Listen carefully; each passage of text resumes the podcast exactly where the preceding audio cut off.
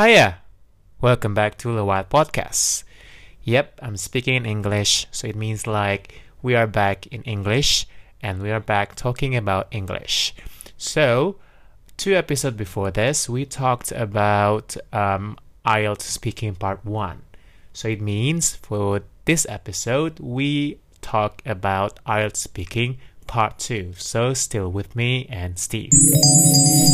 Alright, Steve, let's talk about IELTS speaking part two. So I heard that you have prepared, like, um, you know, you're gonna talk about first the format and then the strategies and the common mistakes. So could you please start with the format, please? Yes, so um, part two of, of the speaking is often the part that students find hardest and most stressful. And I must admit, I think any native speakers of any language would find a part two task difficult. But it is part of the test and it's, it's something that we do have to do. But, but hopefully by the end of this episode, listeners at home will feel a lot more relaxed and, and confident about it. So what makes part two so scary? So the people at home will remember that last week we spoke about part one. The examiner asks you questions, questions about yourself. Uh, it's one way, predictable, and you're talking about someone you know better than anyone else, you. Um, well, then next week we'll talk about part three, and part three is natural, and hopefully the conversation could be on an interesting topic. Part two kind of has none of that, but that's a bit unfair, really. But it will be about you. Uh, it might be interesting, but the questions are on a card. You can't necessarily predict the topic like you can with part one. You might not have anything to say, and you have to speak for two minutes, but you have to plan for only one. So it is difficult. No one will deny that. So, um, what can we do? And what can the people at home do about it? Well, let's take it one problem at a time. So, these are the strategies. So the first difference, the question on the card, actually that's a good thing because the examiner will be telling you some instructions and giving you a card. And the key here, like all of IELTS, is to maximize the amount of time you have to plan and to think and to read ahead. So when the examiner gives you the instructions, you should be planning already. So those instructions might take quite a few seconds, it won't be minutes. But in those seconds, you should really be planning. So the minute you get that card, you should be reading it and you should be planning straight away, either on your head or on paper if you haven't got the paper yet. The minute you see it, the minute you plan, um, you probably, you know, feel that you're being rude, but to be honest, the examiner doesn't really care. He's not there to examine your politeness, he's there to examine your English. So you don't want to get bogged down, as we always say in IELTS, with lack of ideas. So you need to be using every second to get those ideas so that you can then produce as much English as you can. Maybe people at home are, are asking, well, don't I need to listen? Well, no, you don't need to listen because if you've been doing mock tests and you've been doing them regularly and you've been doing the teacher that um, complete, creates a, a whole mock experience, so the way that they talk, the way that they behave, then no, you don't need to listen because part two is always the same. It's just the question that changes. So that's my first strategy is the minute you get that card – even if the examiner is giving you the instructions, get your head down, get planning, and if you've got the paper, get writing. So the second issue we have is, is kind of two at the same time. So you won't know the topic beforehand. That's true. But you only need to know the topic if you're going to do a memorized response, which we already know the examiners are well trained to listen for, and if they think you are giving a memorized memorized response, you will get a terrible band. So just just bear that in mind. So you don't need the topic. That can also be a good thing, not being able to predict the topic, because students do feel like they can maybe get away with memorizing a response, but um, I've been um, trained by a lot of examiners, and they always refer to instances where a student has memorized, and students don't realize it, but it's very easy to hear.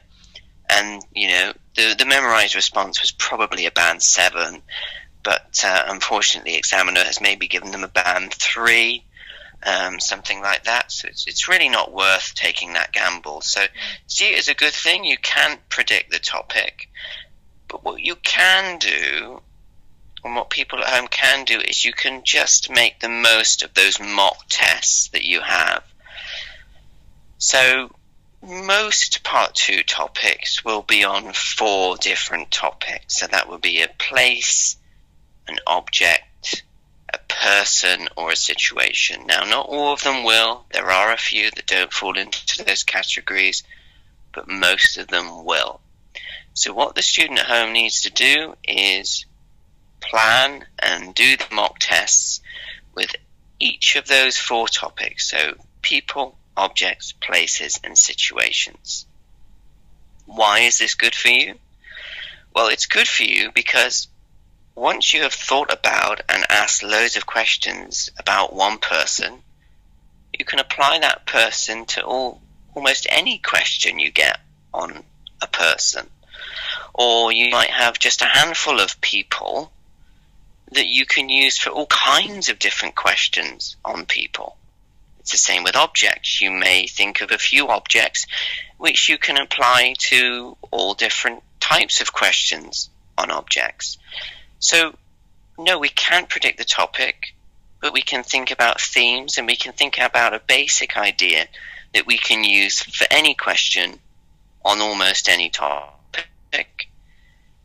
And you could run out of ideas, but if you've answered and spoken about all the different things about a certain person, well, once you've asked, answered the sub questions on the card, you can just remember the other things you spoke about in your mock tests when you were talking about someone, and you can answer them out loud instead. So, if I use my great grandfather, for example, I can do loads of mock part two questions with him as my subject. I could answer, think of a family member that has been a role model. Well, he was very brave, kind, gentle, and compassionate. If I get a question like that, I can use him. Think of an inspirational person. Well, he may not be famous, but who cares? He was an inspiration to me. Think of a relative that you like to spend time with. Well, he's passed away, but I did spend a lot of time with him as a child. And so I can use him for all manner of different things. And like I said, once I've answered those sub questions on the card, I can move on and think of, hmm, when I did the mock test on my great grandfather, what other things did I say about him? So that's my kind of second and third tip. And our final problem is speaking for two, but planning for one. Again, it's a bit like tip one. You really should be making the most of every second in the planning phase. And just like a lot of IELTS, it's all about planning, planning, planning. Take the planning paper, draw a line down the middle, and a line across the middle. You'll have four corners put each of the sub questions, just the question word because you'd have time to write it all out, in each of those corners. Pick your topic and write it at the top of the page, or the person, or the place, or the object, or the situation, and start writing. Write something in box one, move on to box two. Write something there, box three. Write something there, box four. Once you've written one in every box, start with one again write a little bit more in one, go back, go to two, write a little bit in there, go to three, write in there, go to four, still got time, great. Go back to one, write a little bit in there, go back to two. Stronger students will also be able to put good topic words, tenses, forms that they will use. Using a small range will get you a better band. So, planning for one, speaking for two. What's my tip? Plan well. Four corners, question in each. Get the words down. If you're a stronger student, think about topic words and tenses, which might just push up your band. So, I'll just wrap up again for the listeners. The strategies are number one, read questions as soon as you're given them, even if the examiner is speaking. Number two, your mock test should have a range of themes. That way, you'll never struggle for ideas, no matter the topic. And also, if you answer all the prompts but still have time on the clock, you'll have much more to say because you've talked and spoken and thought about these topics a million times before. That deals with, with problem three. And four, how can I plan well? Divide the corners on the plan for each prompt. If you're strong, put tenses and topic words. So those are my tips and strategies before we move on to some common mistakes students make. Okay, I have a question for you. So I was wondering whether we could read the plan that we have prepared. So it means like we don't treat it like a prompt, like a prompter or like a cue card, but we read it. Is it okay? Will it will it give us some, you know, like will they penalize our act like that? So you mean you would have written written out whole set sentences? Yes, because some Indonesian students really like to do that. Hmm. Well, unfortunately, those students are wasting their time. Um, you have to speak for two minutes, um, but you can only plan for one. But writing takes more mental time than speaking, so it's absolutely impossible right. for you to write out entire sentences that will then fall the two minutes. I mean, it's it's in it's it's it's it's not possible for a human to do that. So you need to concede that the plan is prompt. Mm. Um, everything on there should be a prompt, uh, and you should just be writing words and then tenses, a verb, maybe, and uh, you know a topic word, something like that and then and then move on. Uh, or maybe even a, a, very briefly a conjunction to how you might connect one question to another but between the two corners perhaps for right. those very very strong students but uh, we shouldn't be seeing full sentences so if there are no full sentences then you shouldn't be reading directly off the plan so if there are students in Indonesia doing that and if you are listening at home then I'm I'm afraid you're wasting a lot of your time uh, we just need very quick visual prompts yeah. uh, very quickly. I mean, even on that note, just thinking now, you could even draw a very quick picture if you're quicker at that than, than writing a word. I don't know. But you need to be really triggering enough ideas for you to speak. Yeah, so it's just outlining. All right. Okay, so I have a, I have another question. So, um, will it help us to plan, like to write the plan in like to answer WH questions? For example, you know, we put the boxes with what, who, when, where, how, how long, and you know, etc., etc. Yeah, it depends how you work the more words you put on the plan from the question card, the more time you're wasting. So if your mind works perfectly fine by knowing that the first corner is sub question one and the second corner is sub question two and the third corner is sub question three, that's great. If your mind works well, if you just put the number of the question and then the number in that corner, that's fine or if you need to use that question word in case you get lost, which, to be honest, most people probably would. Write that question word down really quickly in each of the corners so that you know that the ideas in that box answer that question word. Anything more than the question word, and you're wasting your time. All right. So, um, okay, I, I wanted to I wanted to ask one more questions, but I forgot. So. Uh, maybe if I remember later, you, I can go back to that. But now you can proceed to the common mistakes. Sure. So, yeah, those are some tips, and uh, I want to go on to the common mistakes, and um, there'll be there will be a few more tips written in here as well that'll help people at home. So, uh, what's number one? So, you run out of things to say. Yes, it, it happens all the time.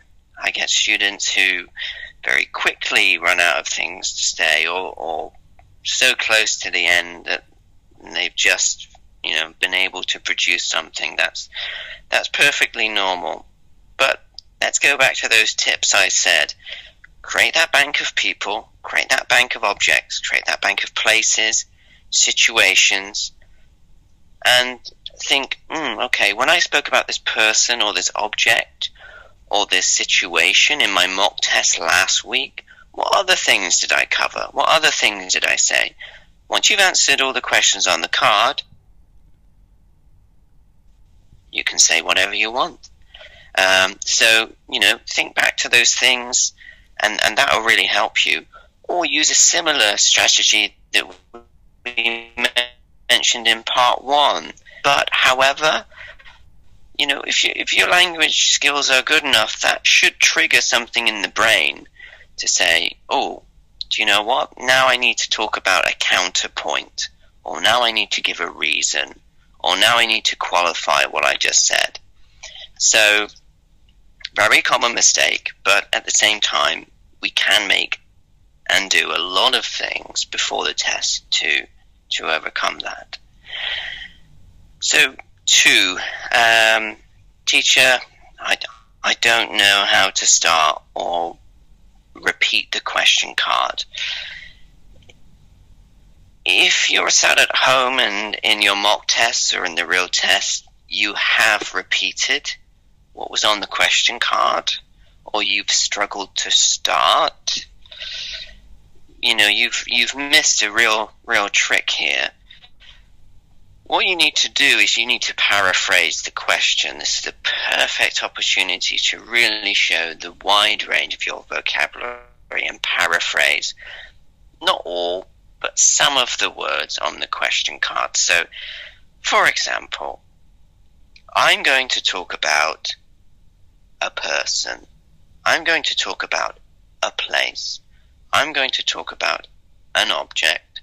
I'm going to talk about a situation who, that, where, and then paraphrase again. So I'm going to talk about if the question card says, Tell me about a family member that inspires you, I could say, I'm going to talk about a member of my family. Notice how I paraphrased from the question card. Mm-hmm. Who, we have a relative clause has been an inspiration. Right. Okay. So I've paraphrased loads of different parts of the card. I haven't written that down, by the way. I've literally just come off that off the top of my head. So that shows you how easy it can be. Um, so really, if you don't know how to start, start like that.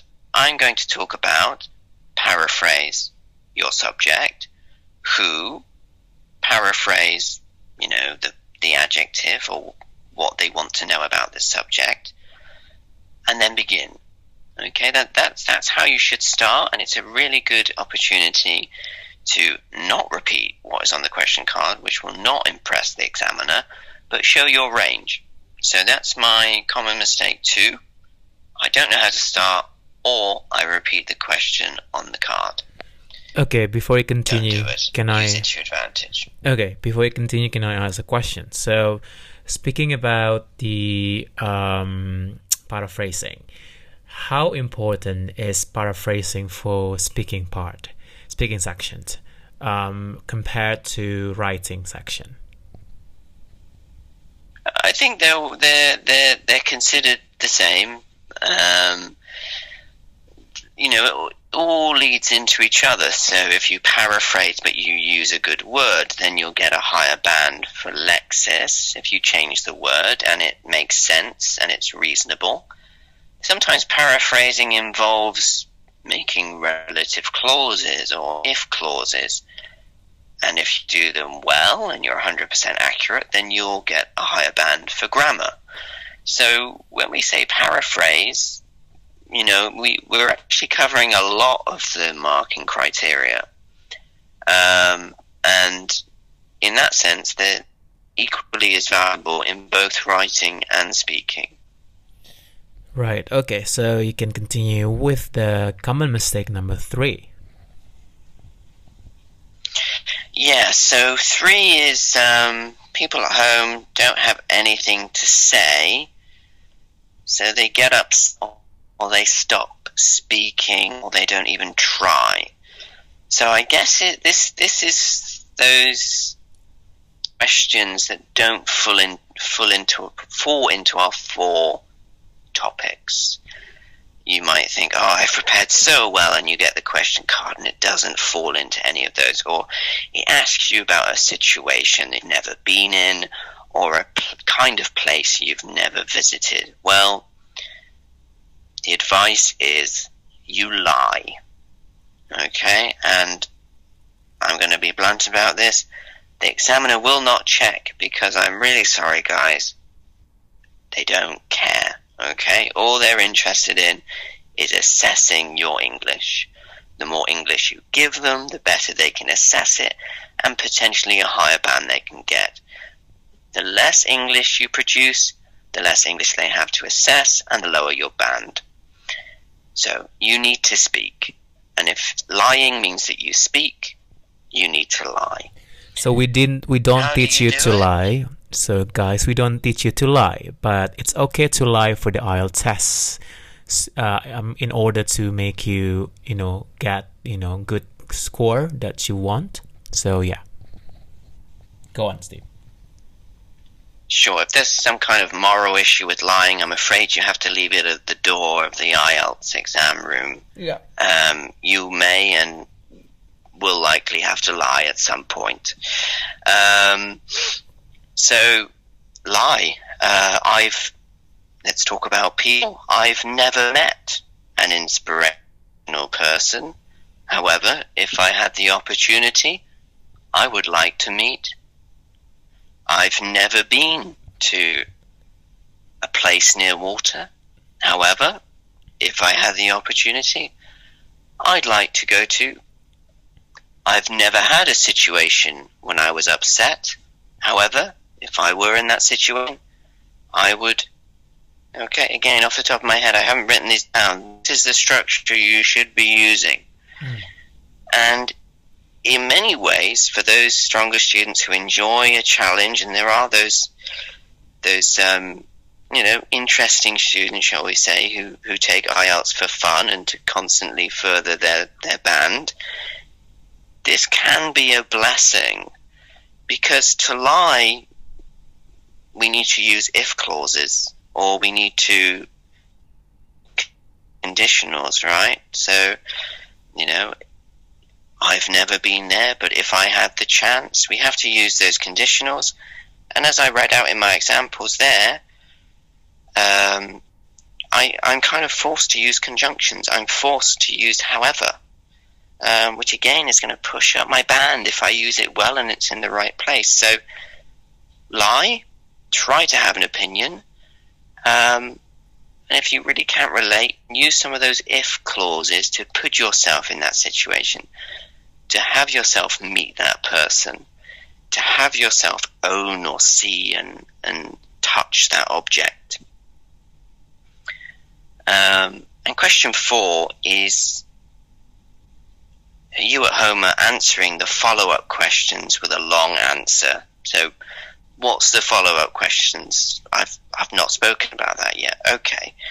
So, after two minutes, the examiner will ask you a short follow up question. This is just a way to naturally end part two. Mm. Okay. Now, the great thing about this part, the follow up, is you can answer yes or no. Mm, okay. Okay. So, whatever the follow up question is, you can answer yes and no. Okay. You do not have to give a long answer. And most crucially, if you do answer yes, or if you do answer no, and leave it at that, you will not be penalized. I'll say that again. When the examiner asks you a follow up question, answer the question with a yes or a no. You do not have to give any more of an answer. You will not be penalized for only giving a short answer on that question. It's probably the only question in speaking where you will not be penalized for not expanding on your answer. So use that opportunity. Don't waste precious mental energy, time, and power on answering a question which can just be answered with a short yes or no without any cost to your band. So bear that in mind. It's just a natural, professional way to round off part two. In some ways, you could say it doesn't really contribute anything to your part of the exam. So I'll repeat. Common mistake is people at home are running out of things to say. Create that bank. And, you know, when you run out of things on the question card, think about what else did you talk about? What other questions did you answer when you spoke about this object, that person, that place, or that situation? The other mistake is you don't know how to start, and because you don't know how to start, or, or as a way of starting, you copy the question card. This is a perfect opportunity to paraphrase that you're wasting. So paraphrase the question, and that will help you fill the two minutes. And if you're good at what you're doing, it could push up your band. Can't think of the answers to the topic? La. Or use some of those if clauses. If clauses can be a blessing for those stronger students. You're giving a long answer to the follow up question. Well, I'm afraid to say you're burning up precious time, precious men, mental effort, effort and energy. Just say yes or just say no. Don't even listen to the question. Just say yes or no. The first thing that comes into your head. Move on. It doesn't count. So those are my four common mistakes. Right, that's interesting because the examiner didn't ask me the follow up questions when I did that IELTS test. So I think I was lucky, or maybe it's just I don't know. But well, anyway, I have a question. He may have been pushed for time. Right. Well, anyway, I have a questions. So, what would happen if we couldn't, you know, we couldn't say anything anymore, but it's still under two uh, two minutes? So, will we get penalized, or will the examiner ask us more questions, or what?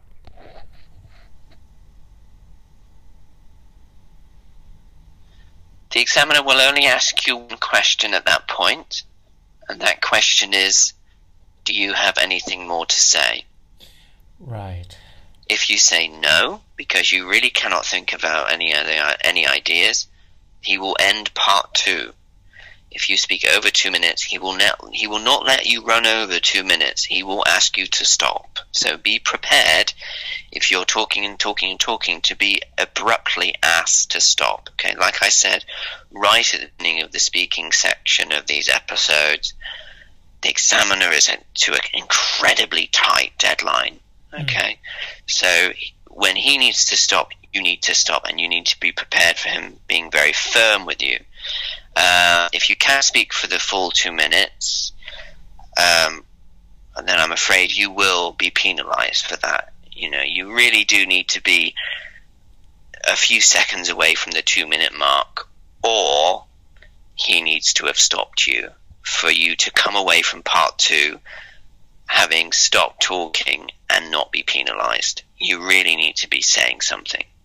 Okay, so if if the examiner stops us because we, you know, uh, it's already more than two minutes, will we get penalized? Just to clarify. No. Okay, No. that's a relief. Okay. So, any um, last words for speaking part two, like for our audience? Try not to be scared of it too much. Nerves can really affect your performance, and I know it's probably the, the part of the test that students fear the most. So, do my tips. Go on the internet, find some more. It is doable. Um, so, you know, people do it every year. Hundreds of thousands of people do it every year. So, you're not alone. Um, don't be scared of it. Just go in and, and give it your best shot.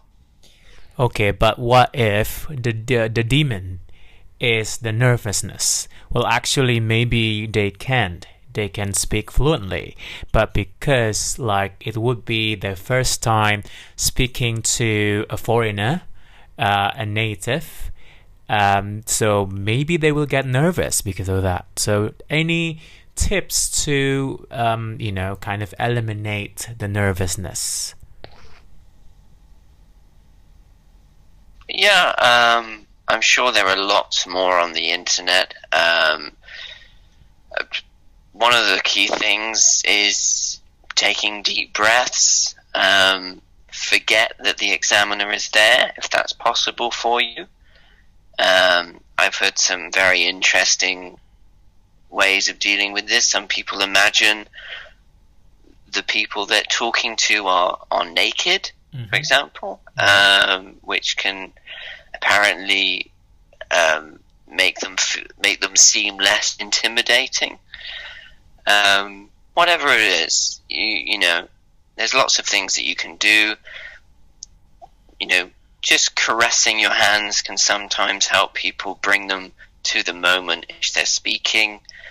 Making sure that both your feet are flat on the floor. Don't raise them up that can be a defensive strategy. Make sure they're flat on the floor. Mhm. Make sure your shoulders are open and your arms down or by your sides or in your lap. You need to be open. If the body is open, then your mind and your emotions will be open as well. So go in with the right attitude and, and maybe even the right posture. All right then. So I think that's the end of this episode about speaking part 2. So thank you so much Steve and thank you so much for those of you who you know have been listening for this past I don't know several minutes. So we still have one more part for the speaking and then we will wrap up all the IELTS thing with like some Q&A. So if you guys have some questions about IELTS, you can, you know, go to my Instagram and DM me the questions. You can follow my Instagram at Vicky Fianda. It's V I C K Y F I A N D A. Or maybe you can email the questions to my email. It's Vicky Fianda, the same, at gmail.com. So, thank you so much for listening once again, and we'll see you in the next episode. See you. Bye.